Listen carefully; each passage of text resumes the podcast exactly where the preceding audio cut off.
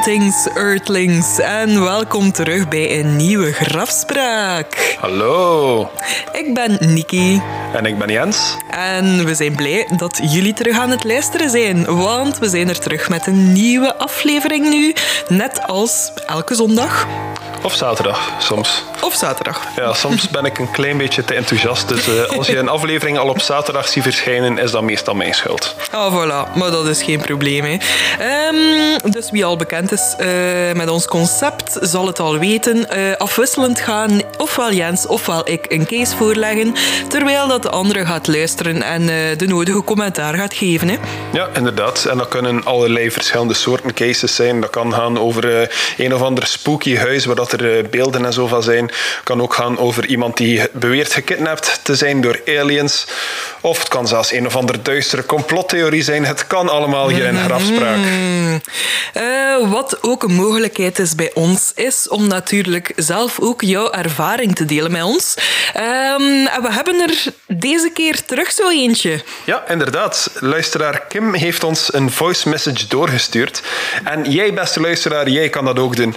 Als je ons ook jouw paranormale case of een opmerking over een van onze vorige cases, of misschien een suggestie over iets dat wij mogelijk nog zouden moeten onderzoeken in de toekomst, je kan dat allemaal doorsturen naar ons. En de link daarvoor vind je op onze website. En die website is grafspraak.be.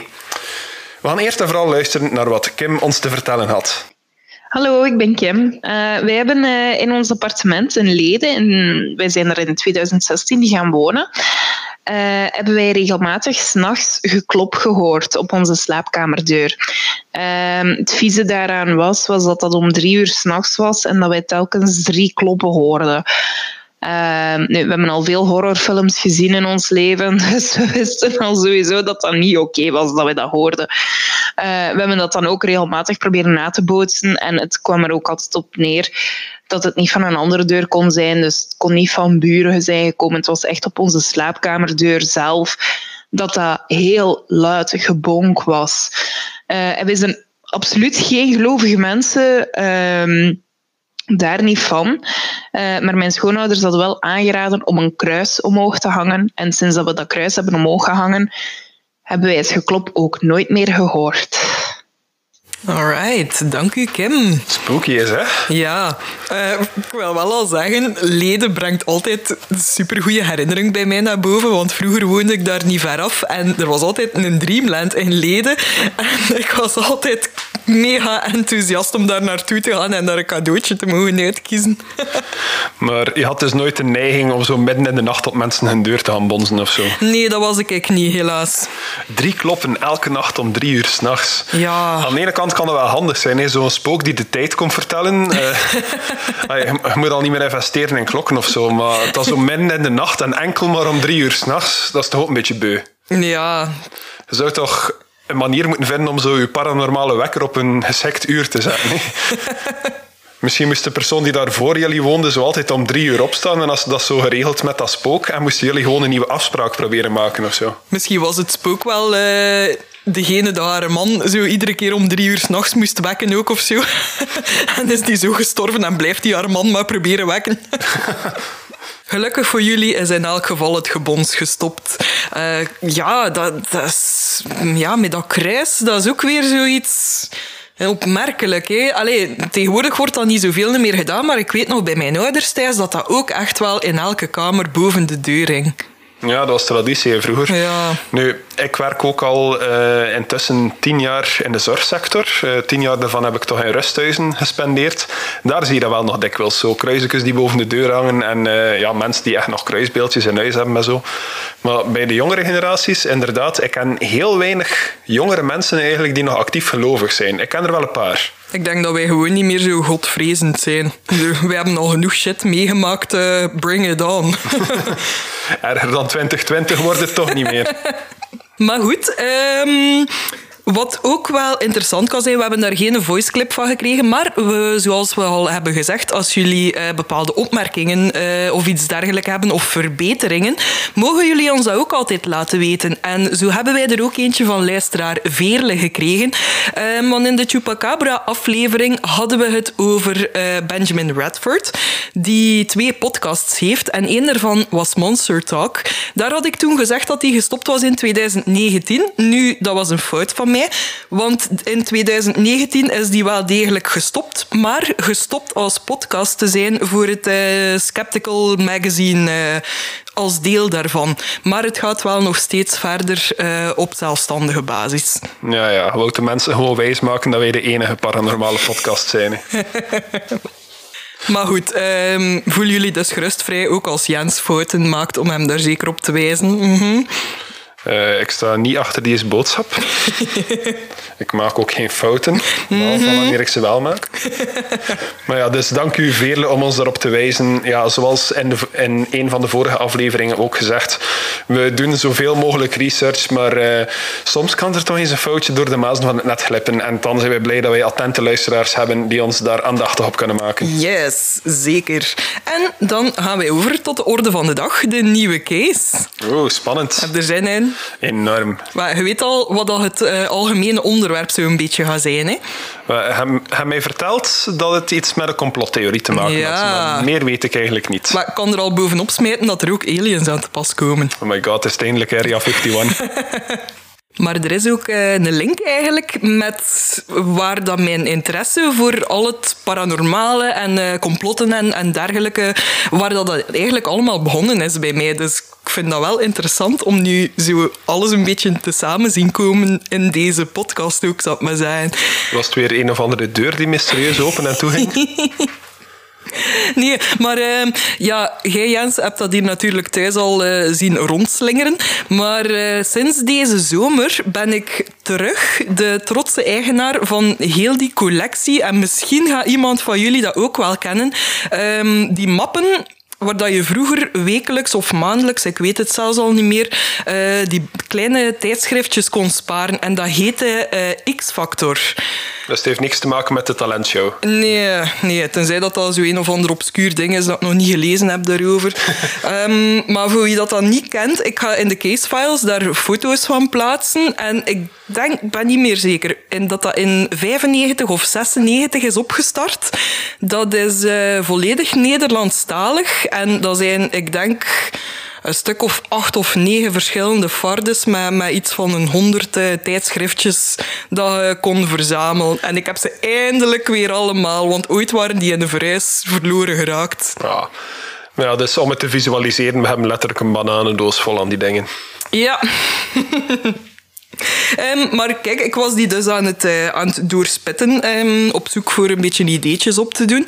En uh, ja, toevallig zag ik daar iets passeren dat wij dan ook onlangs hadden uh, gehoord in die Umbrella Academy. Dus het leek me wel interessant om daar iets meer over op te zoeken, want ik wist tot op dat punt zelfs niet dat dat effectief iets was dat tussen aanhalingstekens echt was. Zijn er klaar voor? Helemaal. Alright, here we go. Um, voor ons verhaal gaan we eigenlijk starten in 1984. Um, Jamie Shandera, ik hoop dat ik dat juist uitspreek, um, is een filmproducent en die ontvangt bij hem thuis een pakje.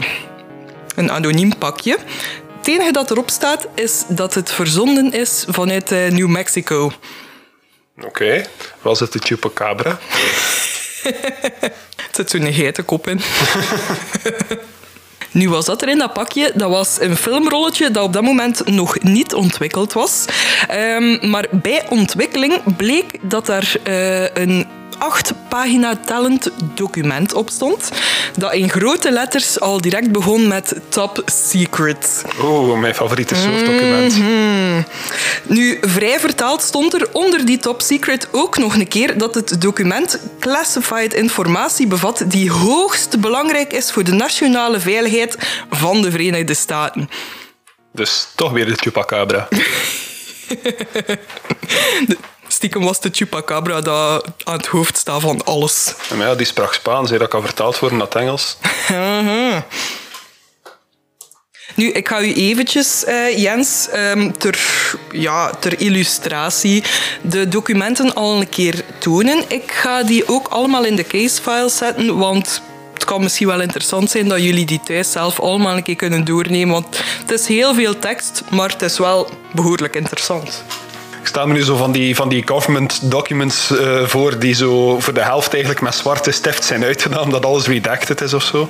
Wel, dus op pagina 1, ik zal het al een keer eh, vertellen terwijl ik het ook aan Jens aan het tonen ben, ga je kunnen zien dat het document eh, van 18 november 1952 stamt. Oké. Kan je eventueel ook een keer voorlezen, Jens, aan wie dat, dat document gericht is? Nee, je had het groter moeten zetten. Sorry. Eh, het is een briefing document van Operation Majestic 12, prepared for President-elect Dwight D. Eisenhower and his eyes only. Yes, en nu ook onze eyes only. De Majestic 12, dat zegt mij wel iets. Ja, ja, ja, ja inderdaad. Eh, daar gaat het dus nu over gaan, hè. de Oh. Majestic 12. Zalig, ja. Yes. Ehm, dus zoals dat je al kan zien, het is gericht naar de president, dus het is wel pretty huge, laat ja. ons zeggen. Nou, voor, de, voor de toen verkozen president, hij zal nog geen president geweest. Nee, klopt, inderdaad. Want, om even naar het punt te komen waar het allemaal begonnen is, ga ik u even meenemen naar de allerlaatste pagina van dat document. Want dat document is opgesteld in 1947. Dat jaartal gaat misschien niet direct een belletje doorrinkelen, maar misschien wel als je dat stuk van het document gaat zien. Op dit moment zie je enkel maar de handtekening waarmee dat document wordt afgesloten. Kunnen daar iets uit opmaken? Eh, ik denk dat de, dat de achternaam van de persoon die getekend heeft...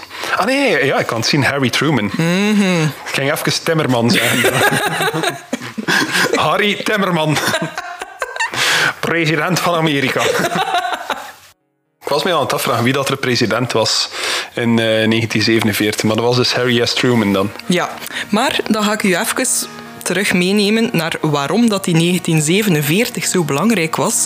Want wat is de grootste gebeurtenis qua aliens en UFO-sightings en eventuele crashes in de moderne geschiedenis? Ik zou zeggen Area 51. Ja, of Roswell moesten sommigen we... Roswell, New Mexico. Ja. Ah, New Mexico. Hey! It's all coming together. Het Roswell-incident zelf is gebeurd op 8 juli 1947 en dat heeft in eh, ja, heel wat kranten gestaan.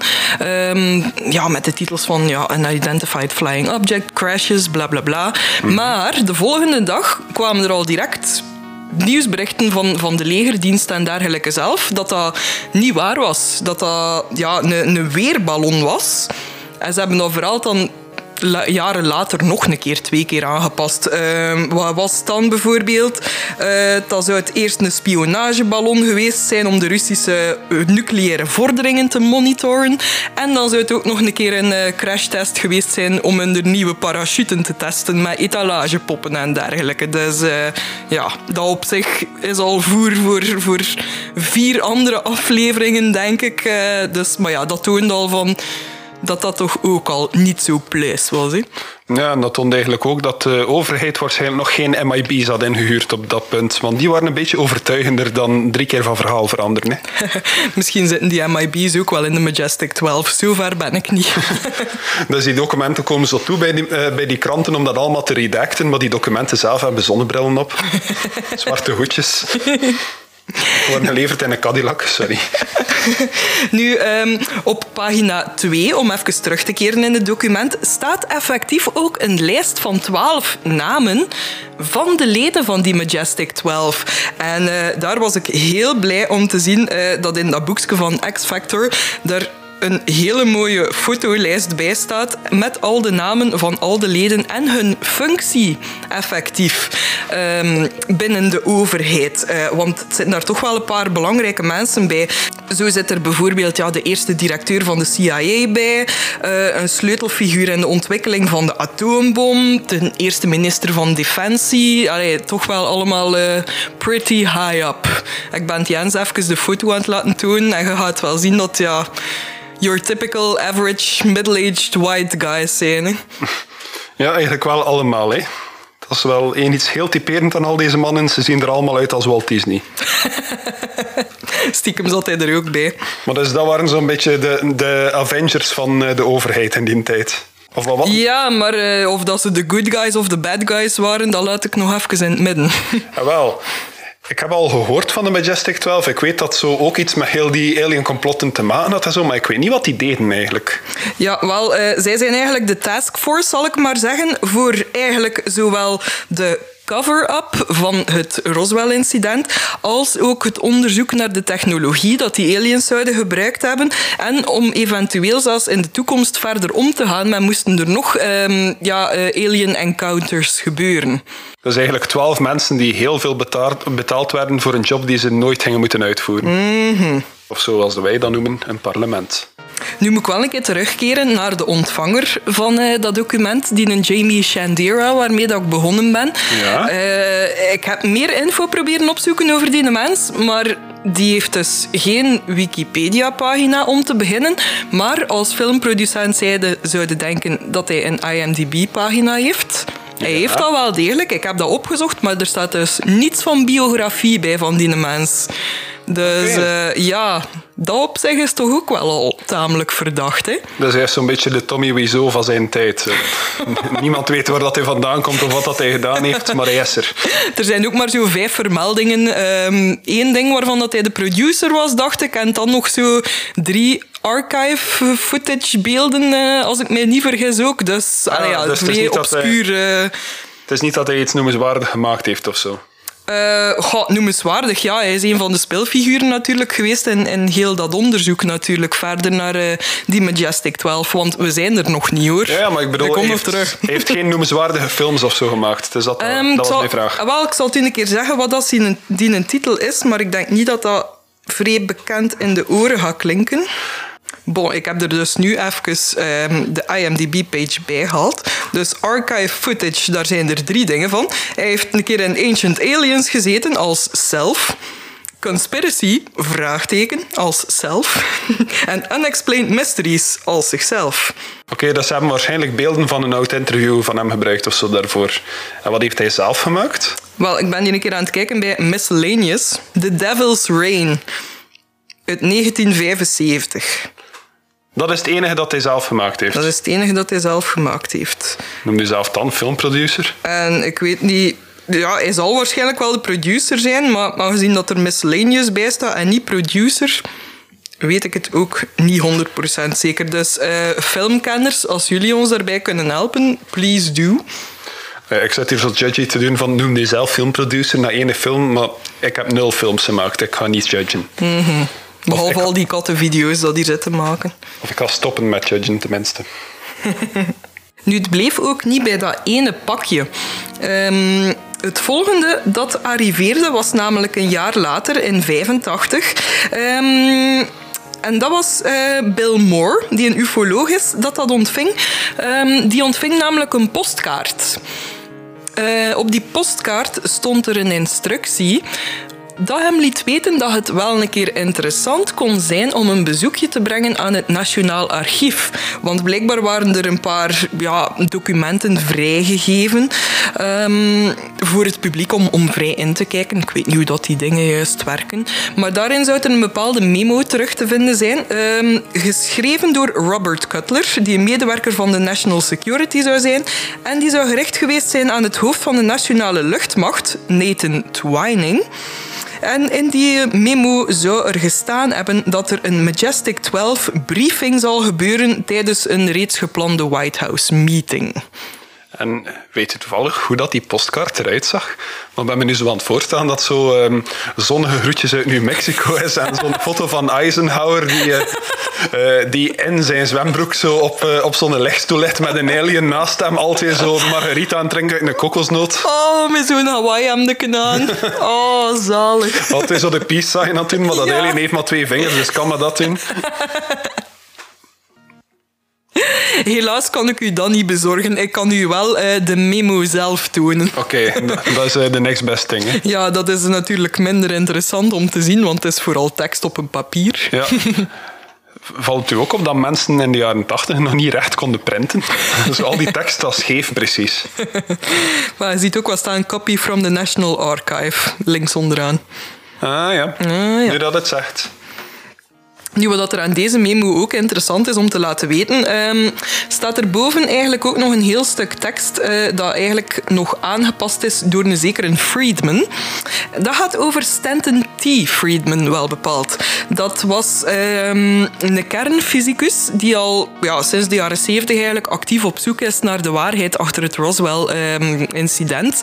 En hij zou eh, volgens de bronnen dat ik gevonden heb de eerste civiele onderzoeker geweest zijn dat er echt wel eh, zijn werk probeert van te maken om dat echt wel te onderzoeken. Nu, die mens is helaas wel al gestorven.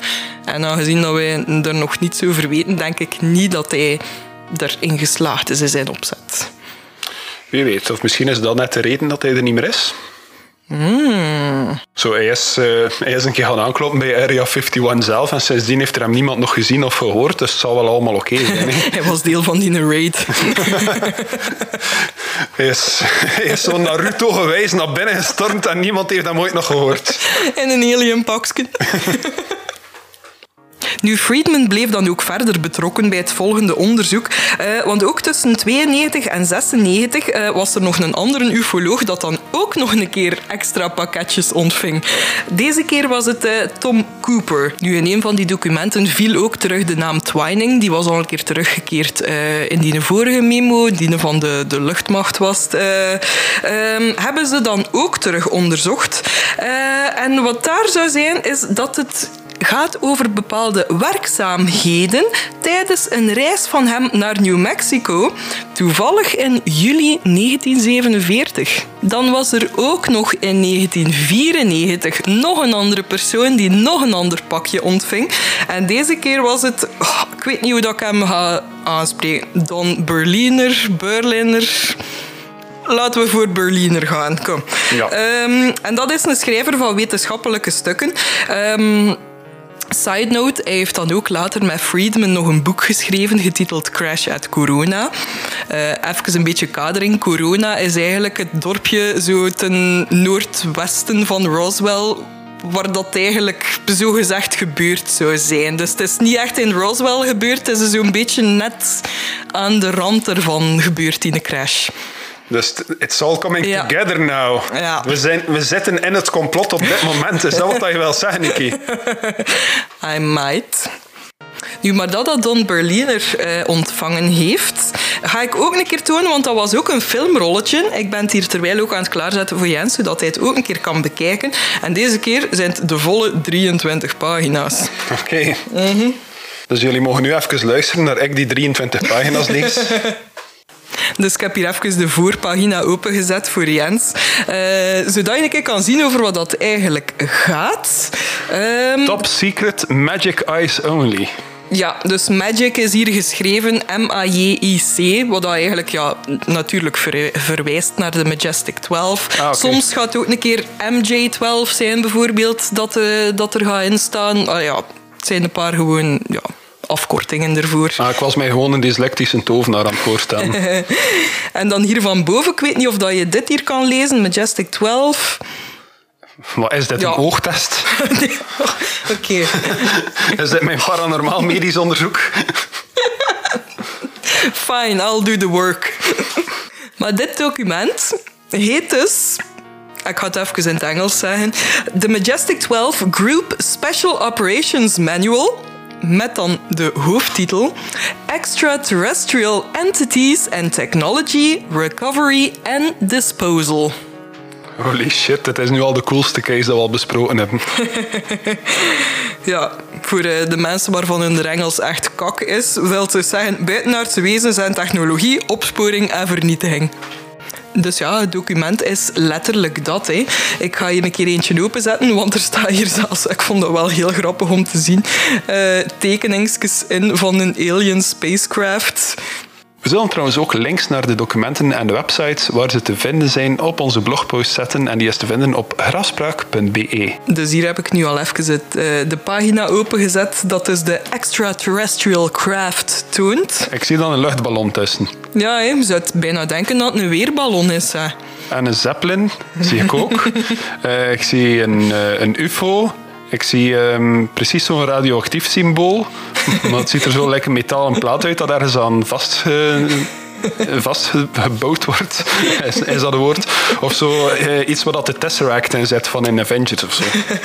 nu, het grappige is dat de volgende pagina ook letterlijk Guide to UFO Identification heet. Nu, wat ik ook zie, is dat dat document zo vastzit met zo'n binderke, zo die, die steekjes van, een, eh, van zo'n van zo'n mapje. Hoe moet ik dat beschrijven? Iemand heeft de moeite gedaan om dat document af te printen, te perforeren en uh, in zo'n mapje te steken. Dus zelfs al is het fake, ze hebben tenminste de moeite gedaan om het er echt te laten uitzien. ja, maar die ze waarover dat je het hebt, um, dat roept inderdaad al wel een uh, interessante vraag op. Want het is namelijk wel interessant om je af te vragen van hoe zijn al die mensen aan die informatie gekomen? Hè? Allee, wie heeft die pakjes verzonden? Wie heeft laten weten uh, van... Hey, moet daar een keer gaan kijken in het Nationaal Archief, want daar kan er iets interessants zitten. Misschien gaat de Majestic 12 veel verder dan dat we denken. Nee, ja. waren ze zoals de drie musketiers? Zo, eigenlijk waren ze met vier. Dus voor de Majestic 12 um, is dat dan eigenlijk de Majestic 16. Een beetje zoals dat Ocean's 11 ook altijd maar één meer bleef hebben. Dat was toch hoe, hoe dat concept van die films ging. Hè? Maar ja, maar dan had opeens zo Ocean's 8, waar dat de volledige vrouwelijke cast was en zo. Dus uh, ze zijn er ook al op teruggekeerd. Nu, um, dus de vraag rijst van wie, wie heeft uiteindelijk die documenten verdeeld? Was dat misschien iemand dat ja, een beetje de klokkenluider wou uithangen, zal ik maar zeggen? Um, iemand dat spijt had van wat dat er is gebeurd of weet ik veel wat, dat dat eindelijk een keer aan het licht wou brengen. Maar um, wat dat ook wel een heel vreemd toeval is, is dat de laatste nog levende persoon van de Majestic 12 drie maanden overleed voordat Shandera dus het eerste pakketje ontving. Oké, dus iedereen van de Majestic 12 was al dood voordat er sprake van was? Voor, eh, voordat er sprake was van die documenten? Voordat, voordat die documenten dus effectief ja, in, in omloop gingen. Oké. Okay. Ja. ja. Je kunt niet weten hoeveel mensen dat er op dat punt al van wisten natuurlijk. Hè. Misschien waren er mensen dat buiten die twaalf er ook nog van op de hoogte waren. Hè. Maar op zijn minst toch uh, Dwight Eisenhower en uh, uh, denk ik, nee, Harry S. Timmerman. ik vraag me dan af of dat hun vrouwen er ook van weten. Nee, ik weet het niet. en schat, wat ga jij doen vandaag op het werk? ik denk, als uw vent de president van Amerika is, dat er wel vanuit gaat dat hij wat staatsgeheimen weet. Hè. Ja, maar dat is ook de, de voornaamste reden waarom dat ik nog altijd niet volledig overtuigd raak van aliens. Hè. We zitten nu op dit moment met de meest blabbermouthed president of all time, die die, die zelfs zijn eigen complotten gewoon aan het licht brengt door, door letterlijk te zeggen wat, wat van misdaden dat hij allemaal behaat. En hij heeft nog geen ene keer een woord gerept over aliens. Hè. Dus oftewel willen ze het hem niet zeggen, oftewel zijn aliens fake. Oh, ik vraag me dat soms ook af. Hè. Ik denk echt, als de Majestic 12 echt bestaat, dat die iets hebben van nee, nee, we gaan hem dat echt niet wijsmaken. Nee. Area 51, nee, wij doen hier uh, papierwerk, meneer Trump. Maar over uh, blabbermouth presidenten gesproken, dat brengt mij eigenlijk ook op het volgende punt. Um, want ik heb een filmpje klaarstaan voor u. Um, dat eigenlijk in lijn ligt met uh, nog een andere president. Oké. Maar we gaan er eerst een keer naar luisteren. Hey iedereen, dit is Copyright Jens om te zeggen dat de audio van deze video niet meer in de aflevering zit. Dit omdat we onszelf een beetje willen beschermen tegen klachten omtrent copyrights. In het verleden dachten we dat we dit allemaal onder creatief gebruik wel mochten benutten in de podcast, maar uh, dat bleek toch niet het geval te zijn, dus helaas hebben we dit moeten verwijderen. Je kan de video nog steeds vinden in de casefile op graspraak.be. Geniet verder van de aflevering. Zo Jens, wat denkt u daarvan? Uh, Wauw, ja, dat was... Uh... Het eerste dat mij opviel eigenlijk was uh, dat die kerel in dat filmpje, die kerel is van die aliens. Ja, ja dat is van het programma Ancient Aliens. ja. Op History Channel, dus we weten dat het een betrouwbare bron is. Ja. dus wat had hij mij net getoond? Wel, zoals dat je kunt zien, is het uh, dus nog blijven verder duren na Eisenhower. Hè. Um, JFK was blijkbaar niet meer volledig mee met de hele operatie van uh, de Majestic 12. Die waren uh, duidelijk meer in de geheimhouding getrokken, um, buiten het weten van de president om. Maar zou hij toch moeten geweten hebben, blijkbaar, dat er toch wel iets was. Um, hij was... Hij, volgens dat ik gelezen heb, begon hij de CIA heel erg onder druk te zetten om hem uh, meer info te geven over waar dat ze mee bezig waren. En de, de MJ1 dat we hier hebben gezien, dus het hoofd van de CIA, zou dus volgens dat document ja, de, de opdracht hebben gegeven, zou ik maar zeggen, om, om daarover samen te zitten en een beslissing te nemen wat dat er met Lancer, zoals dat ze hem hier noemen, de president dus, zou moeten gebeuren.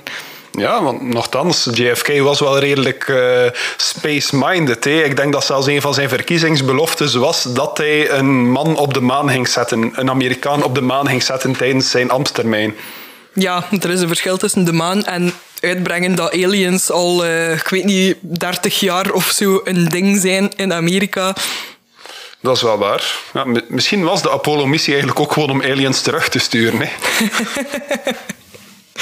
Ja, heel die Apollo-dingen, dat is nog een keer voor een andere aflevering. Want daar kunnen we nu ook serieus wat over zeggen. Hè? Ja, wel, wie weet kunnen we de filmset zelfs bezoeken.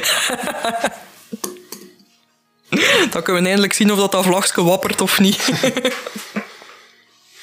Goed, maar dus uh, eh, JFK werd in het duister gehouden. Hij wist zelf niet meer uh, wat dat er gaande was met de Majestic 12 en met de CIA en zo op dat moment. Klopt. Um...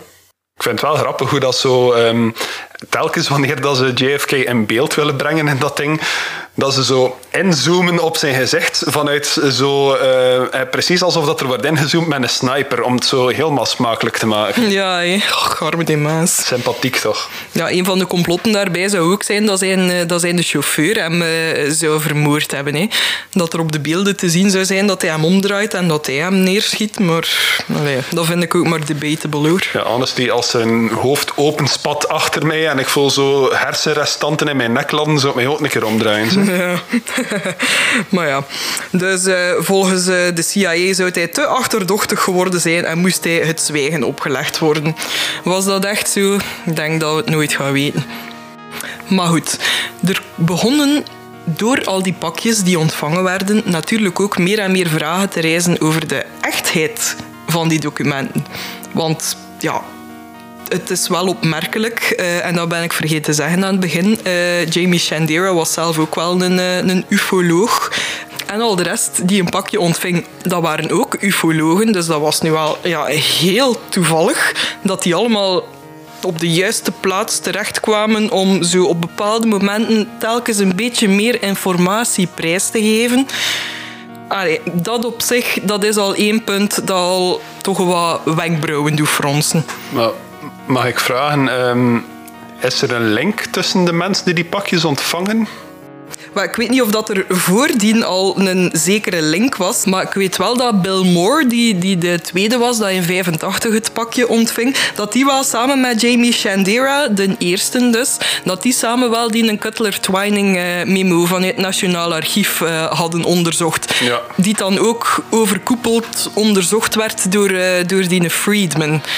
En in de periode dat die pakjes ontvangen werden, ehm, was die informatie dan ook al publiekelijk gemaakt? Was hij in kranten verschenen of zo? Wisten andere mensen ook al van die informatie of hebben die dan nog een tijdje stilgehouden? Maar ik denk dat dat wel ik ben niet 100% zeker of dat, dat echt aan de grote klok werd gehangen al. Ja, also de, de, de reden dat ik het vraag is... Uh, destijds hadden ze ook die bekende Jack the Ripper brieven, die From Hell brieven. Mhm. Maar met dat hij in de kranten gepubliceerd werd en zo, dat, dat, er, eh, dat Jack the Ripper brieven aan het schrijven was, begonnen andere mensen dat ook te doen. Fake brieven te schrijven, die ze ook zo voordeden alsof dat From Hell brieven waren. Ja. Uh, dus het is daarmee dat ik mij afvraag, stond dat ook in de kranten of zo? Uh, konden, er, konden mensen dat weten en zelf ook documenten beginnen opstellen? Of is dat allemaal ongerelateerd aan elkaar verzonden geweest? Daar ben ik niet 100% zeker van. Wat ik wel weet, is dat in Friedman, met dat hij zo ja, de overkoepelende onderzoeker was.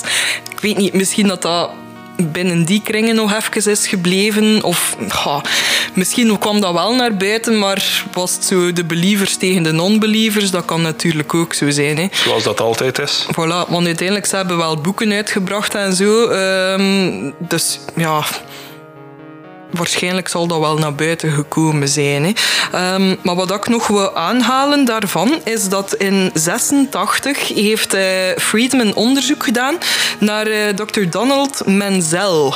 Ja. Die was toen al gestorven, maar misschien doe je dan een belletje rinkelen van daar juist. Die staat ook in het lijstje van uh, de Majestic 12. Ja, is, is ook niet een van die mensen die achter die atoombom zat? Maar ik zal een keer zijn track record voorlezen. Dus hij is Dr. Donald Menzel, professor in de astrofysica die de UFO's aan de kaak stelde. Hij had een top secret ultra betrouwbaarheidsverklaring en was veiligheidsadviseur voor verschillende presidenten. Dan had de JFK toch een beetje beter advies mogen geven. nu, um, ja, dat was. Uh, volgens wat ik gelezen heb, uh, heeft die mens voor verschillende bedrijven en ook voor verschillende overheidstakken meegewerkt aan, aan ja, geheime projecten. Ik weet niet wat dan die geheime projecten zijn, uiteraard. Maar hij was wel tamelijk belangrijk. Vandaar ook die, die ultra-geheime betrouwbaarheidsverklaring. Dat is iets dat hij voor de CIA heeft moeten afleggen. Dat hij met niets naar buiten mocht komen. Maar um, Friedman had de goedkeuring gekregen van de vrouw van Menzel omdat hij ondertussen al overleden was. Uh, en daarin heeft hij dat dus ja, allemaal ontdekt, ook in zijn ja, persoonlijke documenten, dat hij die link wel had op dat vlak. Ja. Dus ja, op dat vlak, als persoonlijke documenten zijn, rijst dan natuurlijk weer de vraag van, zou het misschien wel waar kunnen zijn?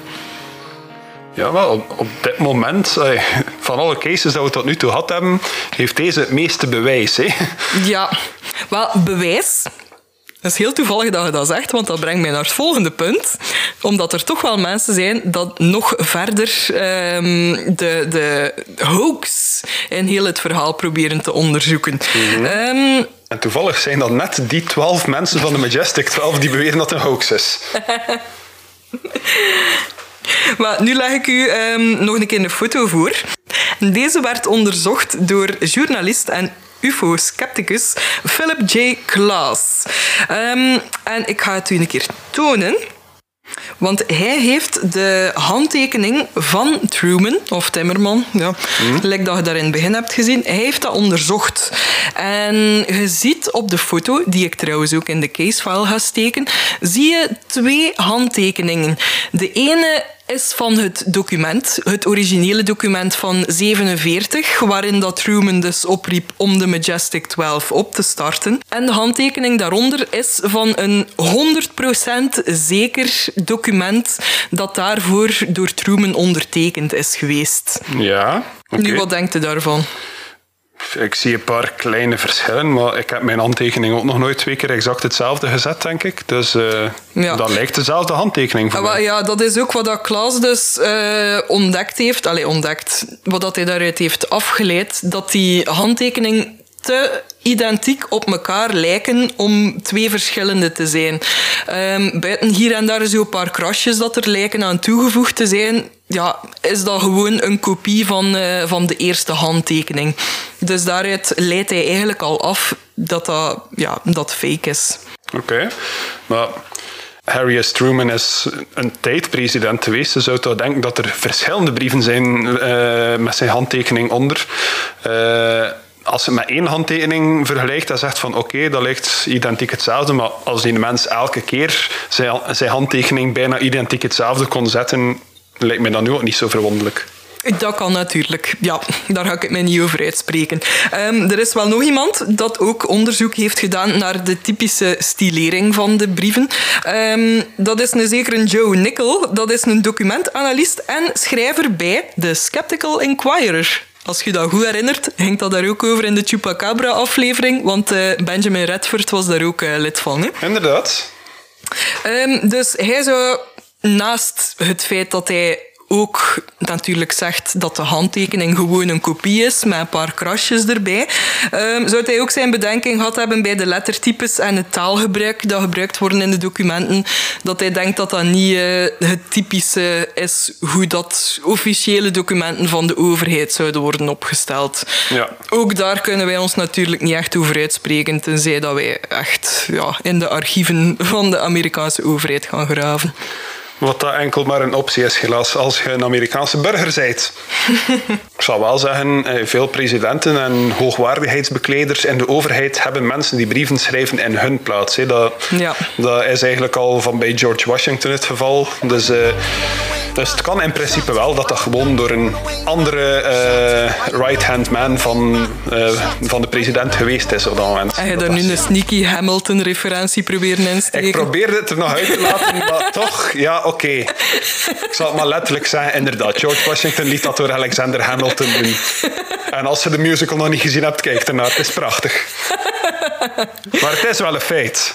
Jens kijkt naar niets anders meer. Help mij. Nu bovenop... Look around.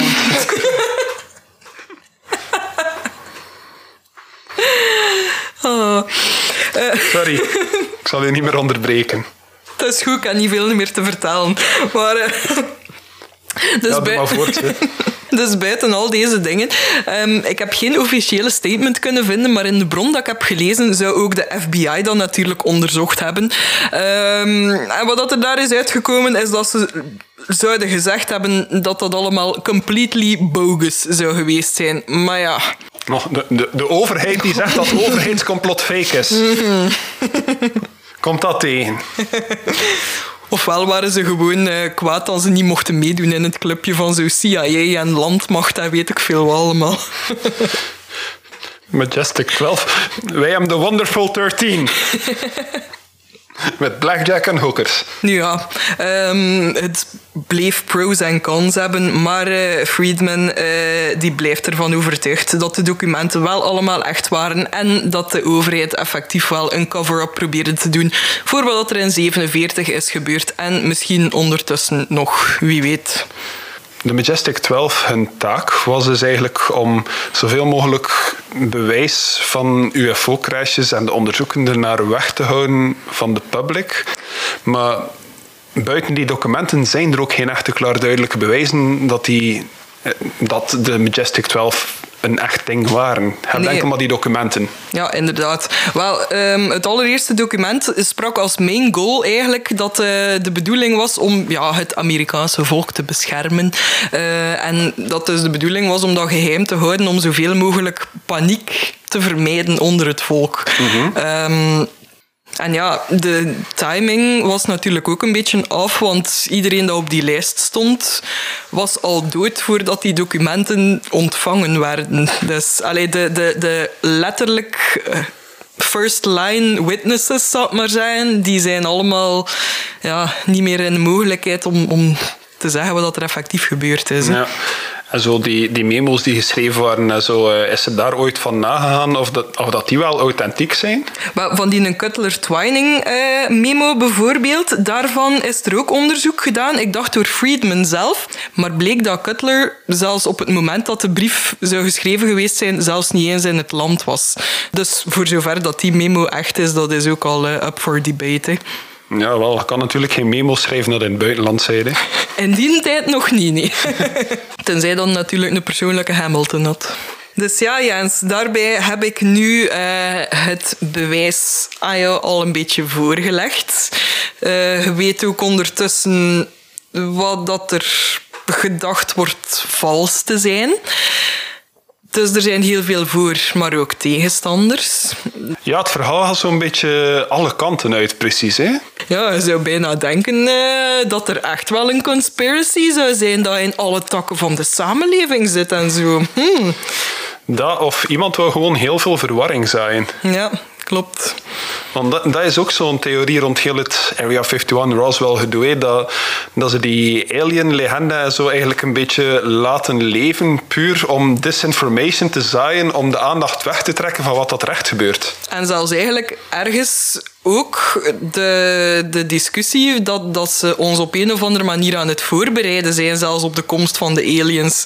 Zo E.T. dat uitkwam en zo heel de, de lieflijke aliens en zo. Dat is ook een, eh, een, een, een conspiracy theory dat wel een keer wordt opgegooid. Hè. Dat ze ons eigenlijk een beetje aan het conditioneren zijn. eh, zodanig dat als er dan effectief een keer een, een alien invasion of, of een crash of zo in het nieuws gaat komen, dat we dan gelijk al een beetje er gewend aan zijn.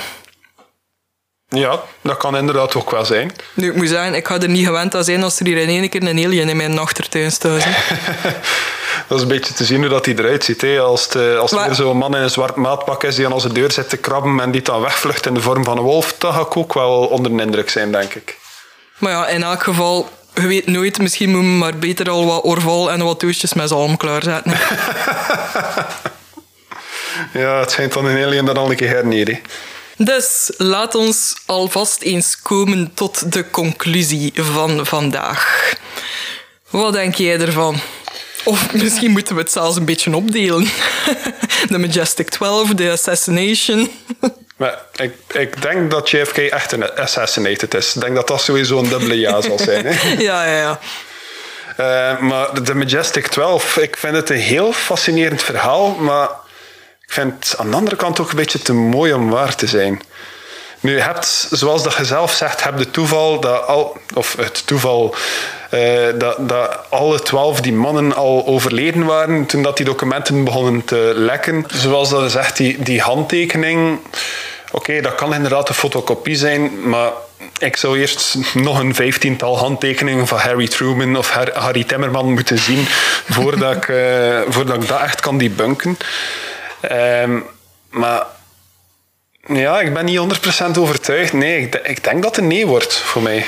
Ja, wel weten. En dit is dan ene waar dat ik het zelf dan wel moeilijk mee heb. Ehm, misschien niet voor de volle 100%, maar ik denk toch wel dat er wel zo'n soort van, van groepering bestaat. Dat sowieso. Buiten, buiten waarschijnlijk de huidige president, zij weten om, daar ben ik zeker van. Maar allee, volgens mij bestaat wel. Allee, is het zo echt zo on a need-to-know basis. Maar allee, misschien dan gewoon puur als in... We zijn voorbereid als er ooit een invasie komt en we zijn er in, in het geheim aan aan het werken. Maar misschien dan heel het Roswell gebeuren weggelaten. Ja, maar aan de andere kant, als er iets is dat de huidige tijd ook aantoont, is dat we op niks goed voorbereid zijn. Ja, dat is waar. Maar ja, eh, de, de pakken wc-papier zijn ondertussen wel al gelukkig weer aangevuld in de winkels. hè. Als ze niet weglopen. Oh nee, stel je voor, die coronacrisis is begonnen en iedereen heeft gewoon... Met een plek in huis. Jongens, smijt jullie wc-papier weg. Ja, je zegt dat je niet voor de volle 100% overtuigd bent, maar wat denkt je dan? Zo De Majestic 9 misschien? De Majestic 6? Maar ondertussen is de Majestic 0, want de originele bestaan natuurlijk niet meer, maar... Ja, dat, dat was zo, zo ook de naam van mijn vriendengroepje in het middelbaar, de Majestic Zero's. Hey, die gasten die in aliens geloven zijn dat weer. Kom eens uit de klas binnen met ons aluminiumhoedje. Maar ik ken ook te weinig van de huidige Amerikaanse politiek om te weten wie dat er zo aan het hoofd van was staat allemaal. Dus ik weet ook niet eh, of dat die allemaal het grootste licht zijn en dergelijke om zoiets opnieuw op te starten. Of eh, ja. Ja, laten we daar niet te diep op Nee, ingaan. Hoe inderdaad. groot dan de lichten zijn aan de top van de Amerikaanse politiek. Niet te groot. Maar dus, wat is het voor u? Ja of nee? Ah. Mag ik het opsplitsen of niet? Het, is voor 50% uw podcast. Je mag doen wat dat je wilt. Er is geen podcastpolitie die, die hier gaat eh, komen aankloppen of zo. Oké, wat zegt uw gut feeling op dit moment? Mijn- Ja of nee? Mijn gut feeling gaat toch wel ja zeggen. Al is het maar dat ze niet letterlijk aliens gevonden hebben of niet letterlijk die een spacecraft gevonden hebben, maar gewoon door, door die uh, UFO-spottings of sightings gezien te hebben, dat, dat, dat ze sowieso al de schrik kregen en het volk wat wouden sussen dat, dat ze sowieso al een plan wouden opstellen om, eh, om in te grijpen als nodig was. Roswell buiten, buiten beschouwing gelaten, zou ik zeggen ja. Roswell binnen beschouwing gelaten, nee.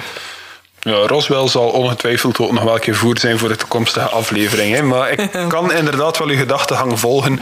Als er effectief ooit een UFO zou gecrashed zijn of aliens gevonden of gelijk wel, als dat echt gebeurd is dan zou ik wel geloven dat er inderdaad wel een, eh, een deel van de overheid ingeschakeld wordt om die informatie zo lang mogelijk te verbergen van het publiek. Uh, nu weet ik wel dat uh, zo onder president Obama destijds dat er zo'n nieuwe wet was dat er een nieuwe wet in werking was getreden dat alle classified overheidsdocumenten van, uh, van voor een bepaalde datum uh, allemaal public information geworden zijn. En veel dingen zijn redacted geweest of zo, maar heel veel van de, uh, van de Roswell en alien informatie en zo is daarmee ook publiekelijk geworden. Mm. nu, ik weet niet of dat er daar iets over de Majestic 12 in stond.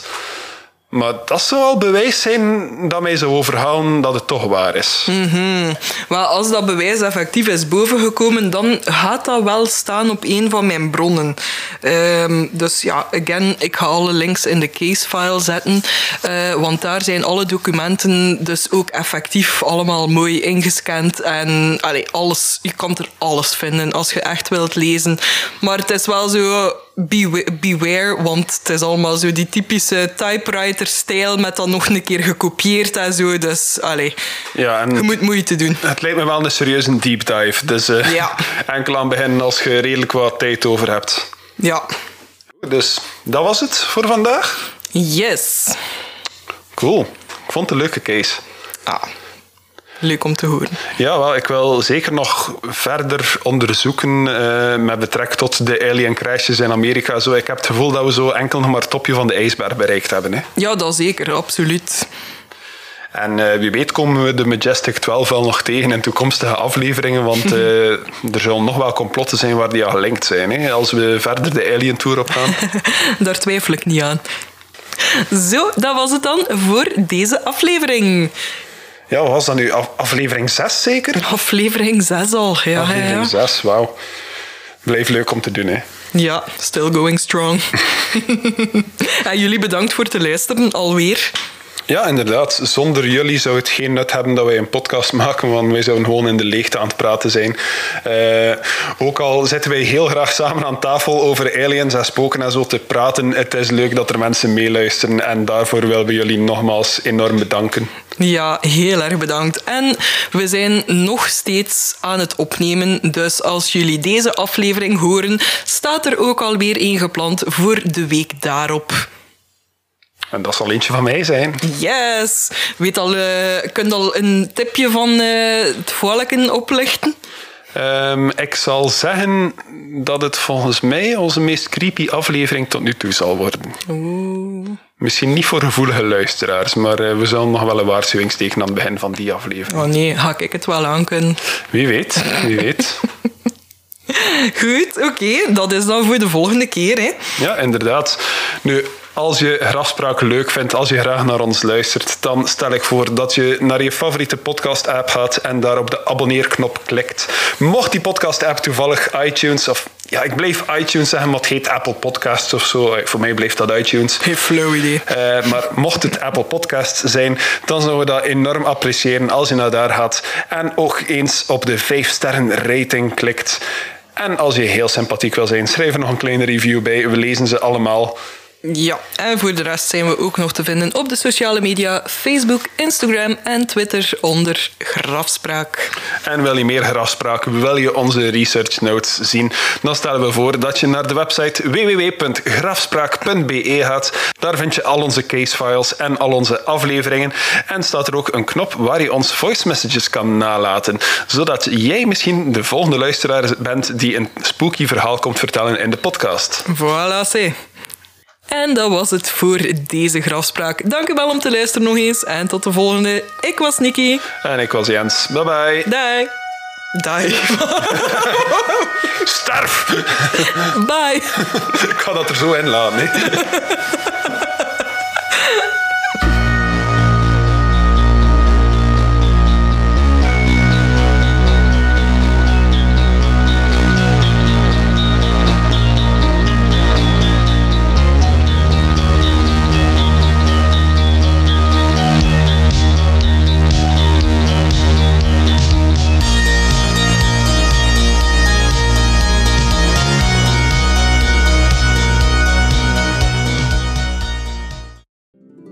afspraak.be.